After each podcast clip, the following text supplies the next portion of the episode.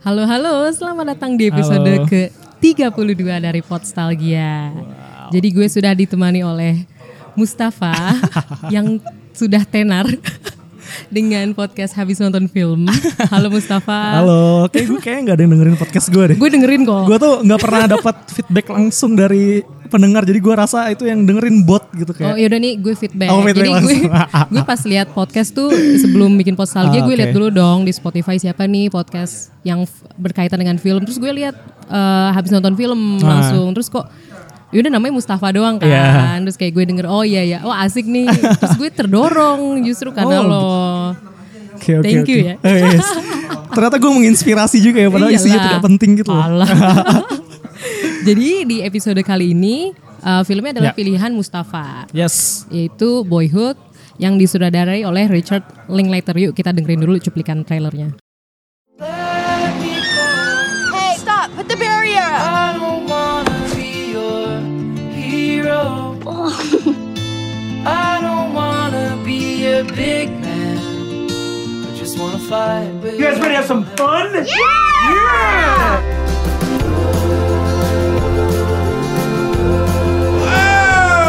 Don't worry about it. Looks like you can use the bumpers. You don't want the bumpers. Life doesn't give you bumpers.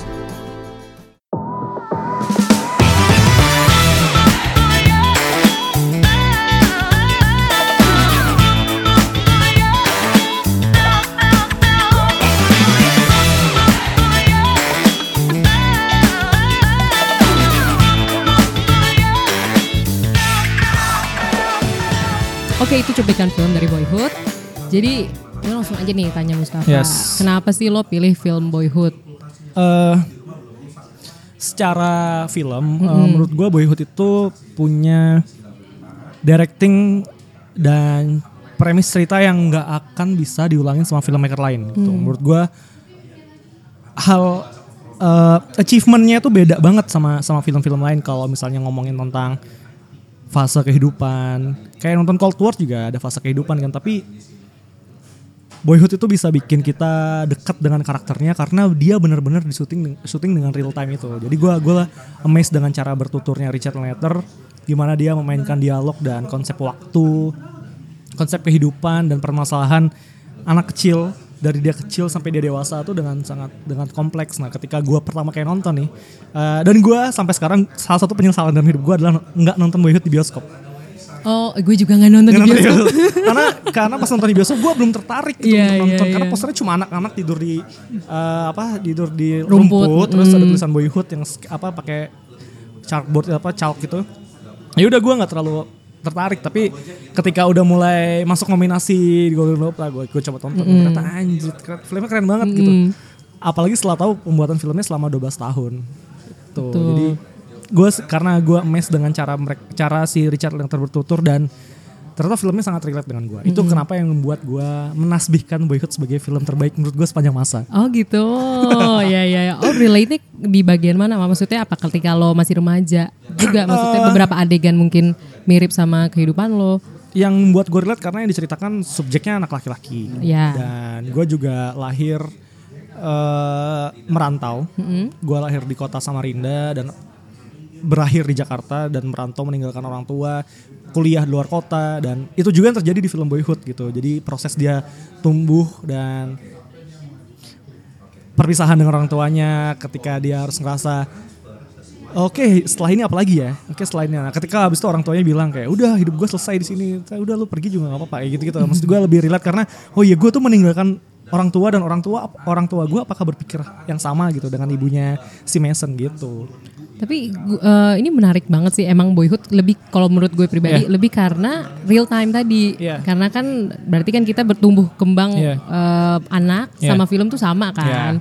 Nah gue penasaran deh, gue gue juga nggak belum baca-baca juga. Itu sebenarnya aktor yang ada Hmm? punya itu nggak sih kontrak sama film lain atau jangan-jangan eksklusif gitu loh sama Oke, Boyhood? eh cie, gue gue kayak expert di bidang Iya. film ini karena gue ketika film ini film ini eh, rilis dan gue tonton, terus gue tonton lagi, terus gue informasikan ke semua teman gue kayak, ah lu harus nonton Boyhood, lu harus nonton Boyhood, satu-satu gue suruh nonton Boyhood, tapi mereka bilang, eh filmnya hampir 3 jam, tapi 3 jam tuh bagus. Iya, Gua bilang, nggak gua bilang kerasa ya. Gak kerasa kan 2 jam 46 menit gitu lah, gue nonton dan eh gue sampai cari tahu gimana mereka proses syutingnya selama 12 tahun itu dan ternyata uh, landasan mereka komitmen.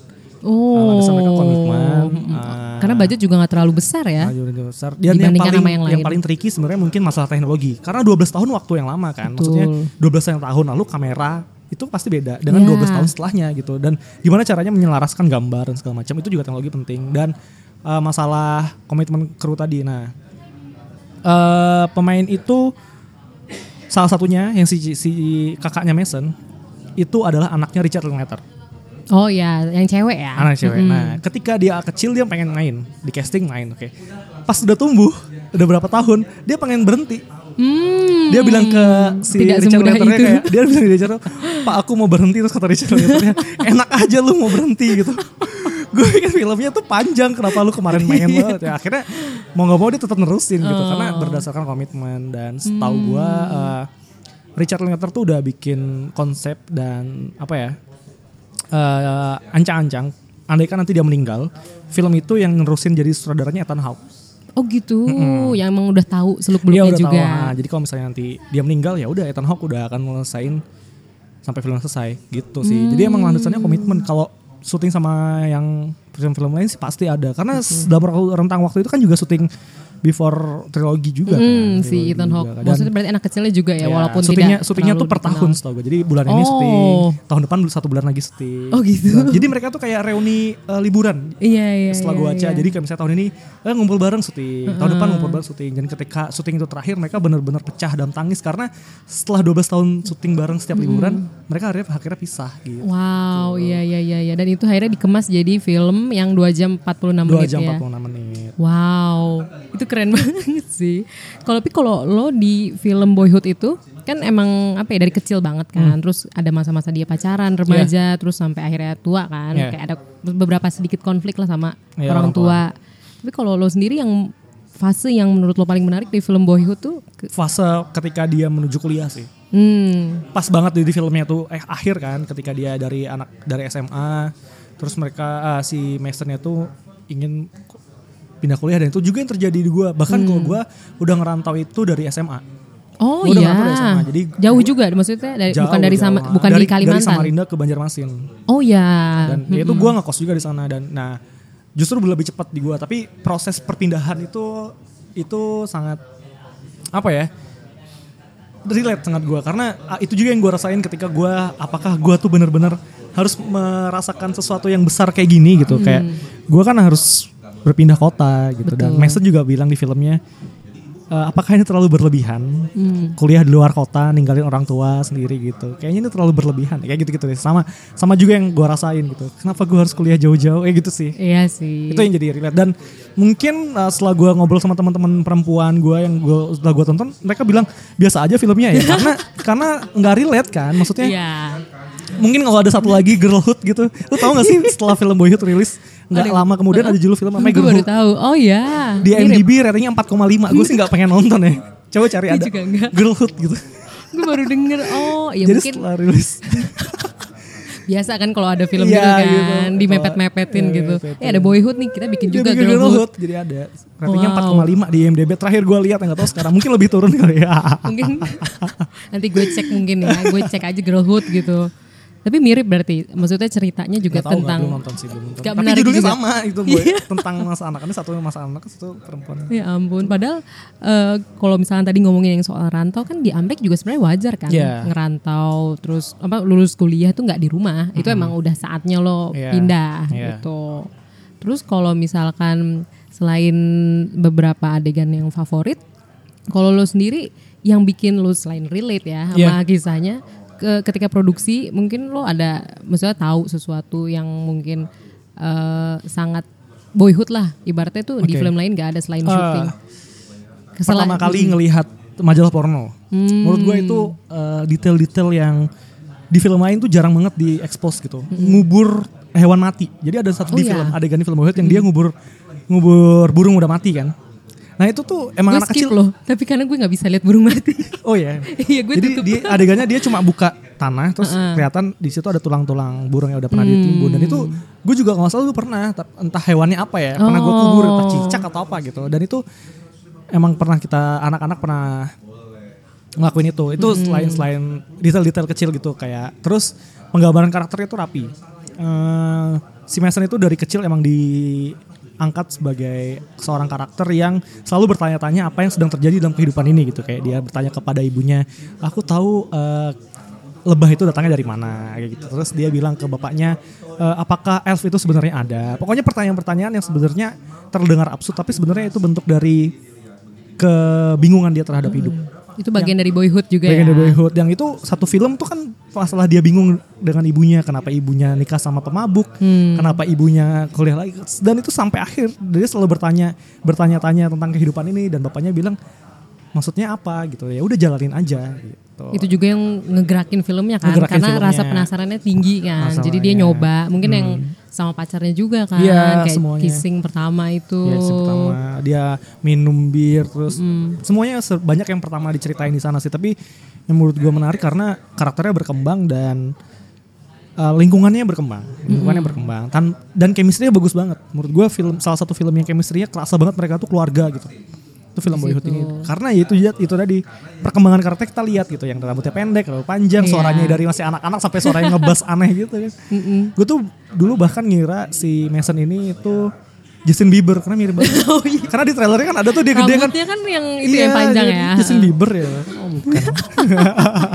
Sama-sama pirang gitu kan Sama agak coklat. Mirip, mirip sih.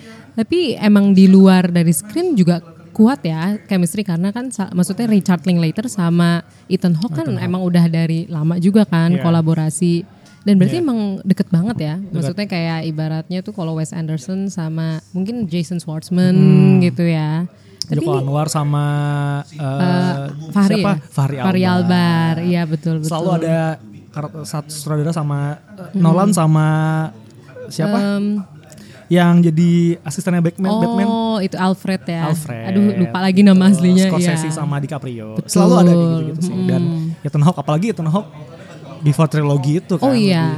Monumental banget loh film itu. Berarti kan Before Sunset dan Before apa sih yang terakhir tuh? Before Midnight. Before Midnight itu kan dua-duanya pas lagi syuting Boyhood dong sebenarnya. iya, iya. Karena yang satu 2003, Iya. yang satu 2011 ya. Iya, gue nggak ingat tinggal pokoknya tanggalnya berapa sih. Eh, rentang ini juga ada satu trivia nih. Setelah gue riset-riset dulu ketika gue pertama kali rilis ternyata filmnya tuh awalnya judulnya maunya 12 Years. Oh tuh sesuai dengan waktu Ah, syuting. Tapi karena saat itu film 12 Years a Slave oh populer. iya. Jadi Richard Linklater ganti judulnya. 2012 duluan kan ya? Ah. Apa 2011 gitu ya, duluan. pokoknya 12 Years a Slave menang Oscar saat itu dia rasa eh ganti judulnya aja gitu ya. Langsung ya. Mungkin akan Boyhood. beda cara berpandang memandang filmnya ya ketika judulnya 12 Years sama Boyhood pasti konteksnya berubah kan. Hmm. Betul. Mungkin 12 Years lebih ke arah kehidupan semua karakternya tapi kalau Boyhood ya udah sih karakter cowok ini doang gitu. Tapi gue lebih suka judul Boyhood Hmm. sih. Sama gue juga lebih suka Parah. Boyhood. Kalau Boyhood tuh kayak lo nggak terbatas oleh waktu. Gue ju- juga nggak peduli entah Iya. 12, entah Iya, iya. 8 tahun. Tapi Iya. itu kisah tentang perkembangan dia dari Iya. cowok gitu ya. Iya. Dari bukan anak kecil Iya. ke udah pria lah ya. Iya. Menjelang pria sih sebenarnya. Kalau lu sendiri gimana? Kalau gue sendiri, Tentang Boyhood, tentang Boyhood. gue itu sebenarnya gue suka Boyhood. Maksudnya Oke. kayak menurut gue Gak apa-apa loh kalau gak suka. Eh nggak apa-apa. moving Oh. kalau menurut gue Oh, ceritanya, moving. uh-uh, uh, walaupun eh, gue cewek mungkin nggak iya. serelate lo mungkin Iya, ya. Tapi kayak ketika maksudnya udah mulai ganti mukanya, maksudnya lebih. Hmm. lebih dewasa itu kayak kerasa gitu loh. Ya ampun, gue lebih ketakjub Iya. ketika bener-bener itu orang yang sama, nggak ada Iya. make up, nggak ada apa. Tapi emang waktunya berubah. Iya. Dan entah ini feeling gue atau emang beneran terjadi itu yang tadi lo mention soal kamera itu menurut gue juga ada perubahan sih Hmm. dari yang dulu awal 2000 sama tahun 2010-an aja kan udah beda tuh Udah beda, kualitas udah beda kamera banget, dan udah itu udah kerasa sih Iya. apalagi ketika dia video call Iya. itu gue lihat kayak wow ini canggih Itu banget yang sih. menarik juga tuh soal ngomongin iPod, terus iPhone 3G, Iya. terus dia pindah iPhone 4. Itu kan kelihatan banget oh ini, ini emang ada masanya dan penggambaran. Nah itu juga yang menarik di film ini karena Richard Linklater selalu menambahkan konteks waktu, misalnya pemilu presiden. Hmm. oh ya Ah, betul betul Terus apa eh, Irak. Mm-mm, HP selalu, tadi. Iya kan selalu, selalu selalu dia selalu ngebahas itu dengan konteksnya jadi penonton Hmm. akan relate dengan permasalahan yang terjadi gitu. Oh ini Iya, tahun iya. sekian, ini tahun sekian gitu. Tebel banget sih penggambaran. itu bakal timeless sih menurut gue film Iya, timeless Boyhood itu walaupun gue pribadi kalau misalnya suruh nonton misalnya gue bosen nonton lagi bukan itu sih film Iya. utama gue apa? Kalau misalkan bosen kan, Oh, iya. kayak gue pengen nonton, gue nggak bakal milih itu sih. Oh, Karena sedih. sedih, sedih, cukup sedih. Heeh, sedih, karena sedih. kan Dua jam 45 menit men, gue tuh Iya. jarang nonton film. Cinderlist aja, gue tuh baru nonton sejam kali. Oh gitu. Tiga jam film tiga jam, Iya, kan kayak iya, berat iya. banget hitam putih lagi, aduh. Dan sedih banget itu sih. Iya sedih. Gue malah denger review-reviewnya dulu. Ah, gue belum nonton lagi. Oh. Padahal salah satu film penting Iya, iya, di iya. Tapi jagat sinema selesai. gitu. Belum. Oh belum. Sejam gitu. Sama beratnya kayak nonton The Artist. Aduh The Artist gue baru 15 menit udah ketiduran. oh gitu. Udah musiknya. Wih, wih, wih. gue justru seneng the artis musiknya Oh, musik ya. sama stylenya sih. Saya, Uh-uh. karena memang- preferensi kan beda Ya, lagi. Karena karena ngangkat eh, sinema awal-awal gerakan sinema Hmm, kan. betul. Eh, aksi tanpa dialog dan penjelasannya dengan teks gitu. Dan Iya. itu gue sangat nontonnya di laptop lagi ya. Kalau di bioskop mungkin gue Lebih ya. Laptop gue masih bisa berhenti oke bangun.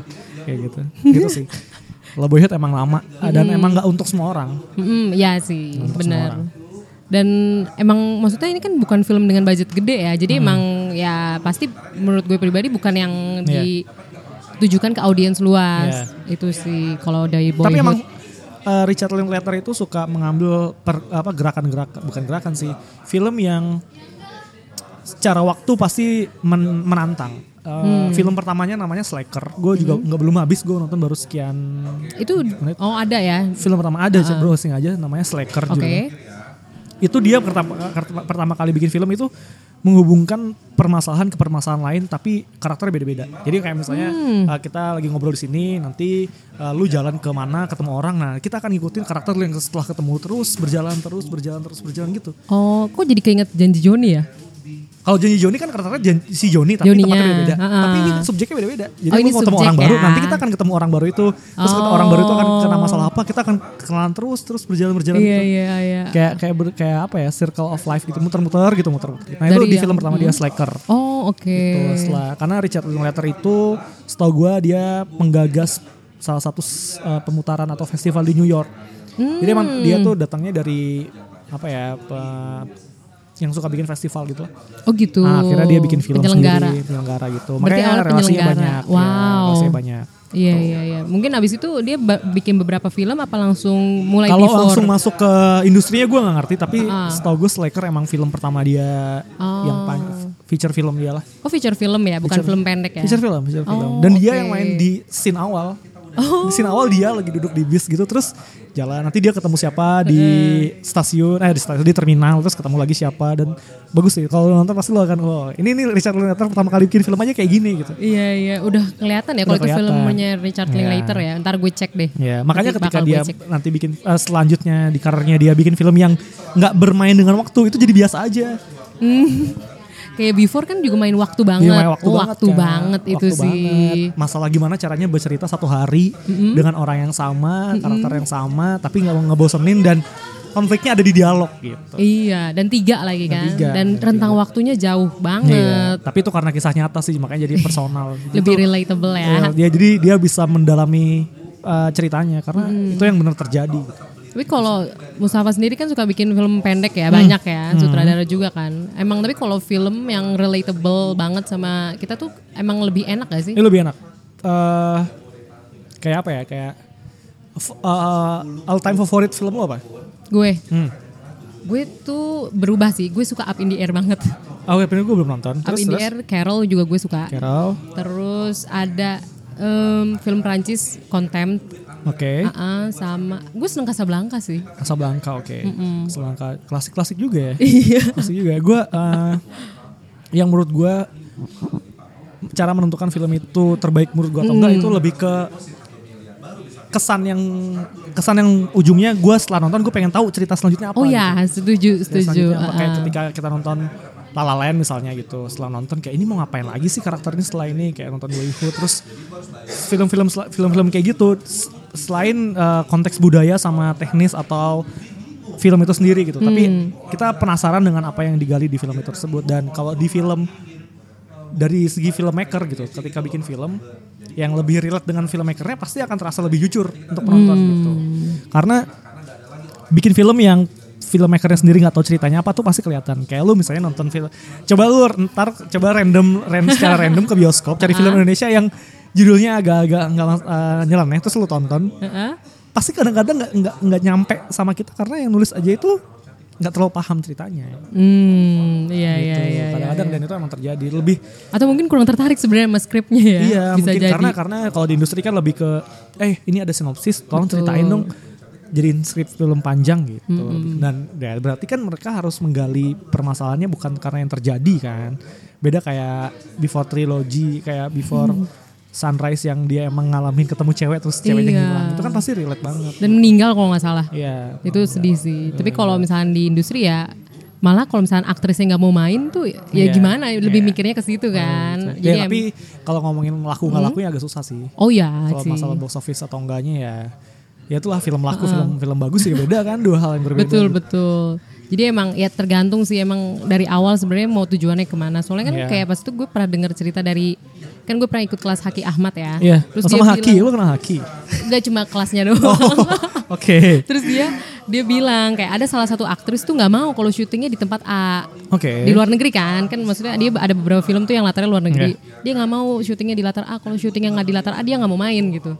Itu kan berarti kan agak sulit kan, karena Iya. kalau misalnya di industri ya lo harus mikirin hal-hal selain cerita gitu, Iya. mau nggak mau. Ya, mau ngomong gitu sih. Makanya selama bikin film independen dan apa ya itu kebebasan yang dimiliki sama filmmaker filmmaker independen gitu Hmm. ya ceritakan apa yang lu rasakan dan kayak film pendek perenjak nonton nggak Renjak belum? Renjak itu kan emang diangkat dari kisah nyata yang di, Hmm. dialamin sama saudaranya sendiri. Terus uh, kadonya Aditya Ahmad juga gue belum nonton tapi setelah gue baca artikelnya karena emang yang dia rasakan dan dia uh, observasi di tempat dia itu ya emang itu Emang sesuai ya. lebih lebih ke pengalaman pribadi entah pengalaman orang tapi dia mengetahui gitu Dan gue nggak tahu sih gue belum pernah bikin ya, tapi kayak itu ngasih semangat juga nggak sih biar cepet selesai juga maksudnya. maksudnya gimana Jadi kayak karena ini kan ceritanya mungkin relatable gitu. Iya. Jadi kayak wah ini gue banget mungkin ya. Jadi untuk ke final cut tuh lebih semangat juga gak sih? iya sih lebih lebih ke uh, apa ya kadang-kadang kalau misalnya film yang jujur itu respon respon penonton pasti akan berbeda gitu aja kayak was filmnya menyedihkan atau bikin lucu atau apa gitu pasti kayak gitu deh pasti akan lebih ke sana gitu tapi Iya, kalau iya, boyhood iya. gue kalau boyhood gue pengennya tadi ini tuh berakhirnya sampai dia mati dong gitu Iya bagus banget kan kayak Iya, boy- iya, sepanjang iya, hidupnya dia tapi kan nggak bakal terjadi Itu gitu. komitmen banget sih Komitmen tapi. banget gitu. Pasti akan- wow. nah, untungnya berhentinya di titik yang sangat-sangat ya udah dia udah mature, udah nggak anak-anak lagi kan. Titiknya dia anak-anak sampai dia ngerasa dia dewasa gitu.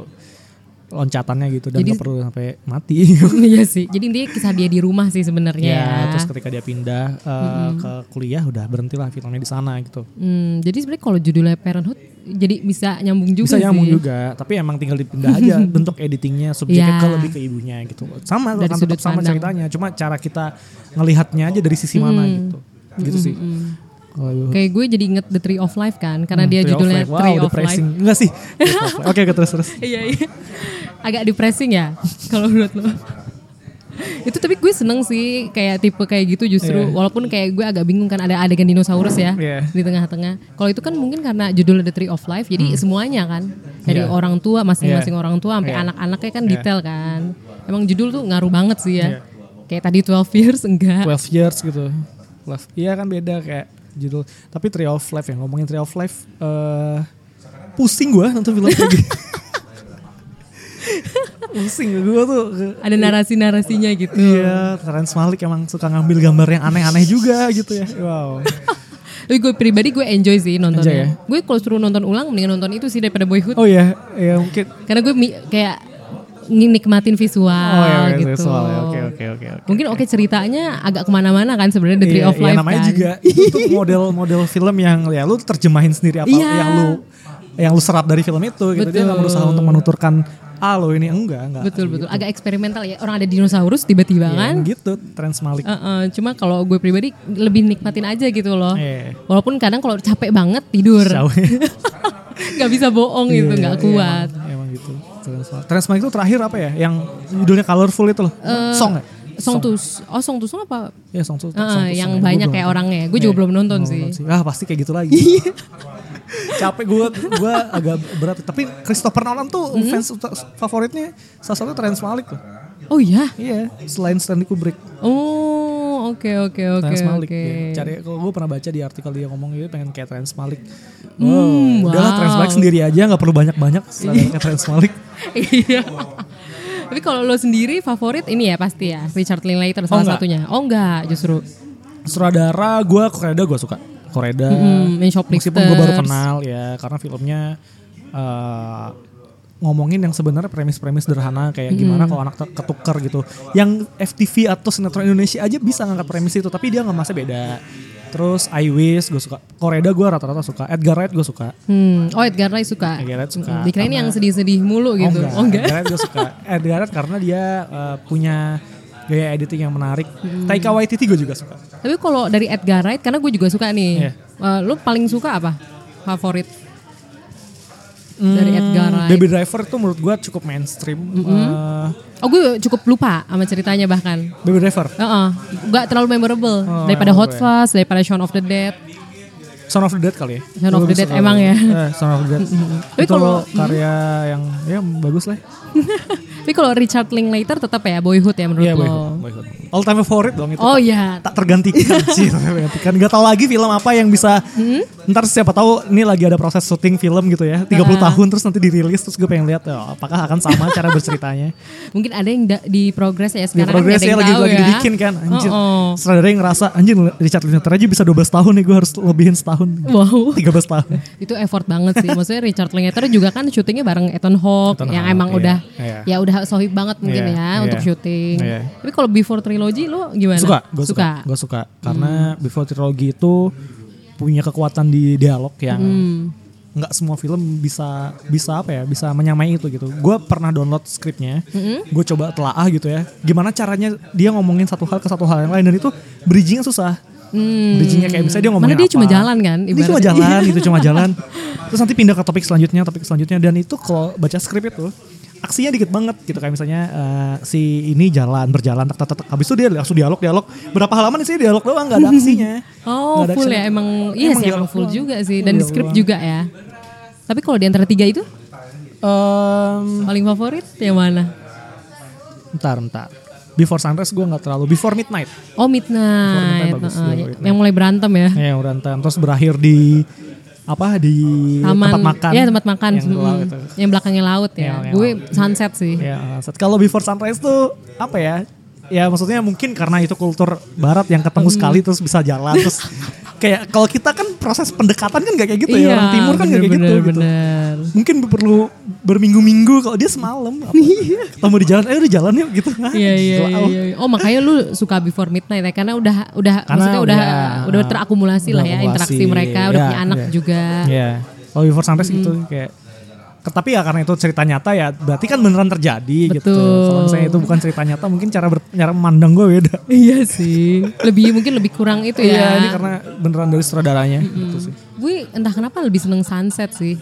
Sunset Karena ya? mungkin satu eh, itu kan kayak mereka ketemu lagi kan, Ketemu terus lagi. kayak transisi dari mereka nggak, su- maksudnya Iya. kayak agak selek ya, karena kan udah lama nggak ketemu, Iya. sampai akhirnya dia gu- ngumpul lagi Ngumpul tuh lagi. hubungan mereka dan di Paris juga sih. Gak tau gue seneng aja ngeliatnya. Oh iya. ya lu. karena latar menurut gue itu ngaruh sih.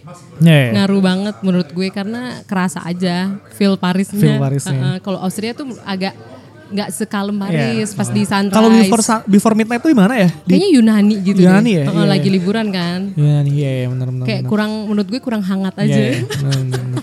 Makanya salah satunya gue sukanya Before Sunset sih. Itu ya itu salah satu film trilogi yang perlu ditonton lah sama orang-orang. Sama Boyhood ini ya. Boyhood. Kalau Boyhood emang gak semua orang sih kayak kayak kayak, kayak Sebenarnya Before Sun- Trilogy juga gak semua nggak deh semua kayaknya. ya. Tapi Heeh. minimal romansnya eh, cowok bisa ngelihat dari sisi cowok, Oh, cewek bisa. iya. Tapi kalau kalau Boyhood emang bener-bener pure perspektif cowok gitu. Iya, sama iya, orang iya. tua gitu. Lebih ke sana. Jadi agak kurang ya. Agak Maksudnya Iya, bukan semua iya, gitu. bukan semua. Setelah gue dulu pertama kali nonton, gue sangat excited gitu. gue orangnya suka banget ketika gue nonton film, gue kasih tau ke semua orang gitu. Eh nonton dong, nonton dong, nonton Hmm. Iya, dong, nonton iya, dong. iya. Karena gue yakin suka, ternyata enggak gitu. Oh, makanya suka. abis itu tapi lo tetap kasih tahu ke Tetap ngasih teman-teman. tahu, tetap gue ke mana habis nonton film terbagus yang pernah gue tonton gitu. Iya iya iya iya. iya. Tapi emang ngaruh sih ya, maksudnya aktor entah cowok atau cewek itu Iya, bisa iya, ngaruh. ngaruh banget. ya itu, itu eh, lebih ke masalah relate. Dan, Betul. Ya apa ya kayak, Kayak kehidupan aslinya tuh ada nggak ya hubungannya gitu. kan. kedekatan dengan dengan cerita gitu. Karena kayak sa- salah satu favorit film gue kan Carol kan. Itu Iya. cowok banyak banget yang nggak suka sebenarnya. Iya. Kayak gue lihat review, maksudnya oke itu positif kan. Cuma kayak nggak sedikit juga yang bilang kalau ini nggak kerasa apa pun. Iya. Cuma karena mungkin gue cewek ya, walaupun ya ibarat itu kan cintanya kan same sex ya. Iya. Tapi kayak gue bisa ngerasa gitu loh Iya. entah dari sisi Carol atau dari sisi Iya. satunya lagi Teres. Lu kalau Me by Your Name nonton kan? Nonton. Itu mm, f- film uh, dulu gue selalu beranggapan film-film yang uh, homoseksual itu susah untuk dicerna. Bukan susah karena gue nggak dekat dengan itu gitu. Even meskipun gue punya teman-teman kayak gitu tapi gimana sih orang itu bisa suka sesama jenis dan bisa diceritakan gitu. Moonlight pun nggak- menurut gue nggak terlalu kena di gue. Oh gue juga nggak Moonlight. Moonlight. Mm-mm. Tapi ketika Call Me By Your Name gue ngerasa anjir dia tuh bisa nggambarin cowok suka ke cowok dengan rasa eh, apa ya rasa berhubungan-hubungannya kayak cowok ke cewek gitu. Iya, dan itu iya, berhasil di film. Name dan gue anjir bisa juga ya. Gue teman teman apa teman gue kan banyak yang ah gue suka malas nonton film gitu. Tapi cu- lu coba nonton deh. Call Me By Your Name. suka. Tapi emang menurut gue Call Me By Your Name sama Carol tuh kekuatannya karena mereka tuh eh, bisa universal sih. Hmm. Karena mungkin ya itu ada mereka interaksi romance juga ke cowok atau cewek. Iya. Jadi nggak cuma ke cewek doang Iya, atau ke cowok doang. iya, itu juga ya benar-benar Jadi kayak Setuju, ibaratnya setuju, setuju. cintanya nggak terbatas gender Jangan terbatas gitu. gender, Jadi iya. mungkin bisa relatable. Kalau Moonlight Iya, kan iya. Moonlight juga depresif sih. Jadi depresif mulai depresif dan ya to the point lah to the betul. point soal soal Itu juga kan mirip Boyhood juga sebenarnya kan. Karena dari Boyhood. kecil sampai tua. Iya, cuma iya. aktornya beda. Iya, aktornya Uh-uh. beda. Ya, ya itu tapi gue nggak ngerasa perbedaan fase yang se sekeren Boyhood karena Hmm. Boyhood bener-bener dari masih anak-anak yang masih sepedaan ngepilok dinding gitu sampai akhirnya dia duduk di tebing ngomongin hidup gitu kayak anjing jauh banget ya. Cuma kalau Moonlight karena mungkin aktornya juga gak banyak ngomong ya, karena kan ceritanya pendiam banget kan. Iya, iya benar-benar. Heeh, Tapi gue nggak terlalu nangkep sih sejujurnya Moonlight. Moonlight ya itu sih gue juga nggak terlalu nggak terlalu pas rilis kenapa dia bisa menang menang Oscar, aja Oscar. gue juga cukup bingung gitu tapi karena mungkin pesan soal LGBT itu karena Oscar concern banget soal hal itu kan Betul. dibanding sama La La Land yang meng- eh, apa ya mengumpulkan era-era kejayaan film musikal di barat gitu. Mm, yang lama ya di Amerika. bukan sesuatu yang lama. baru banget gitu sih Tapi menurut gue juga karena 2016 kan ada Carol kan, itu Iya. dia nggak masuk Best Picture, jadi mungkin kayak di itu di dicerca abis-abisan sih, kayak di Iya, snob iya, gitu iya, loh. benar-benar. Makanya mungkin itu itu cuma ini doang sih, Iya, kayak agak konspirasi dikit. sama Pas Boyhood juga tuh 2017 juga. pas menang Os- eh, pas Oscar dia kan kalah sama Birdman Oh iya, Anjing gue kesel banget. Golden Globe menang karena anjing harus ini pasti iya, harus iya, menang iya, iya, iya. harus menang ini nih harus menang Oscar nih. Heeh. Saya menang Birdman aduh. ya itu mungkin kayak La La Land ya sebenarnya mirip-mirip ya. Tapi Birdman lu suka gak? Birdman, gue lebih demen Boyhood sih. Oh Birdman gue pribadi. suka secara teknikal. Tapi Oh, secara iya. cerita cerita gue nggak terlalu nggak terlalu paham lah bukan nggak terlalu paham sih. Nggak dekat aja dengan dengan seseorang yang itu sebenarnya kayak gitu kan mirip-mirip ala Land yang mengejar mimpi suatu profesi gitu. Betul. Apalagi seniman gitu kan dan dia berakhir terbang gitu sih dia. Dilihat Emma Stone ya. Iya dan iya tuh itu itu. Tapi kalau apa namanya kalau misalkan Birdman kalau misalkan kan teknis tek- Iya, teknisnya oke teknis- banget apalagi kan banget. eh, kameranya ya Iya, menurut terlihat gue. one one take. Heeh. Tapi karena ceritanya nggak terlalu mungkin nggak apa ya nggak nyampe banget di gue jadi kayak gue nggak nggak terlalu Sama. suka sama. untuk Iya. eh, beberapa tahun kemudian mungkin pas pertama kali nonton takjub gitu. Iya. Cuma kalau buat nonton lagi kayak gue lebih milih film lain gitu Iya, iya. untuk Birdman. Itu ini. pencapaian teknis yang susah untuk diulangin sih sebenarnya secara Hmm. teknis aja, tapi kalau secara cerita nggak terlalu ya itu itu banyak banget simbol-simbol yang dibahas di situ juga kan soal Iya. soal kebebasan, Betul. soal jati diri gitu gitu sih kalau Birdman sih itu. Cuma bu- tapi mana film mana lagi sih yang bisa syuting 12 tahun itu yang pas gua nonton Oscar dia tuh nggak tahu ya apa gimana sih itu effort banget kan soalnya dari Iya. produksi Iya, iya, iya, yang tadi terus acting dan sebagainya macamnya. Oke, thank you banget Mustafa Iya, udah siap. banyak ngobrol-ngobrol Oke. soal boyhood dan lain-lain tentunya. Ya. mungkin nanti suatu saat nanti collab lagi gitu mungkin ya. Iya nanti eh, sama-sama kita nge-review sebuah film yang baru lu tonton. Ini kan udah lama kita Oh tonton. iya, nanti kalau iya, udah baru Usus nonton kita masuk ke habis nonton film. Oke, sip. Mungkin nanti pendapat kita beda kan kayak yang tahu. iya. Jadi kayak agak debat ya. Iya. Oke, sekali lagi terima kasih Mustafa untuk teman-teman yang mungkin penasaran sama Mustafa terus pengen dengerin habis nonton film atau mungkin teman-teman ya udah dengerin habis nonton film duluan sih daripada Nggak ada ini. sih kayaknya yang dengerin. Alah, bisa langsung cari di Spotify ya habis nonton film ya, Ya. Da- atau di Apple. Ya kan dan di Apple tuh chartnya oke banget ya. Iya kan? Beberapa episode doang sih, tapi Tetep bentar doang. aja. Tapi bentar- itu oke banget sih. Coba nonton habis nonton film. Terus eh nonton dengerin habis nonton film. Terus untuk teman-teman yang kasih, pengen kasih kritik saran atau komentar bisa langsung mention di Twitter dan Instagram Potsalgia di @potsalgia oke Oke. terima kasih sekali lagi Ya sama-sama Novia, Terima semoga kasih. diundang lagi ngebahas Iya. film lain. Gue sih berharap juga. nonton eh, ngebahasin film-film Wong Kar Wai atau apa. Oh, ayo. Belum eh udah ya? Udah, In the Mood for In the Love Mood udah for ya? Love. Nanti yang Eh, lain, iya, Chungking yang lain. mungkin Iya, ya. Iya, oke. Eh enggak jangan jangan itu deh yang lain Yang lain lain. ya? oke sekali lagi thank you Mustafa Ya. thank you buat pendengar Potsalgia yang sudah mendengarkan hingga titik ini dan sampai jumpa di episode selanjutnya bye bye.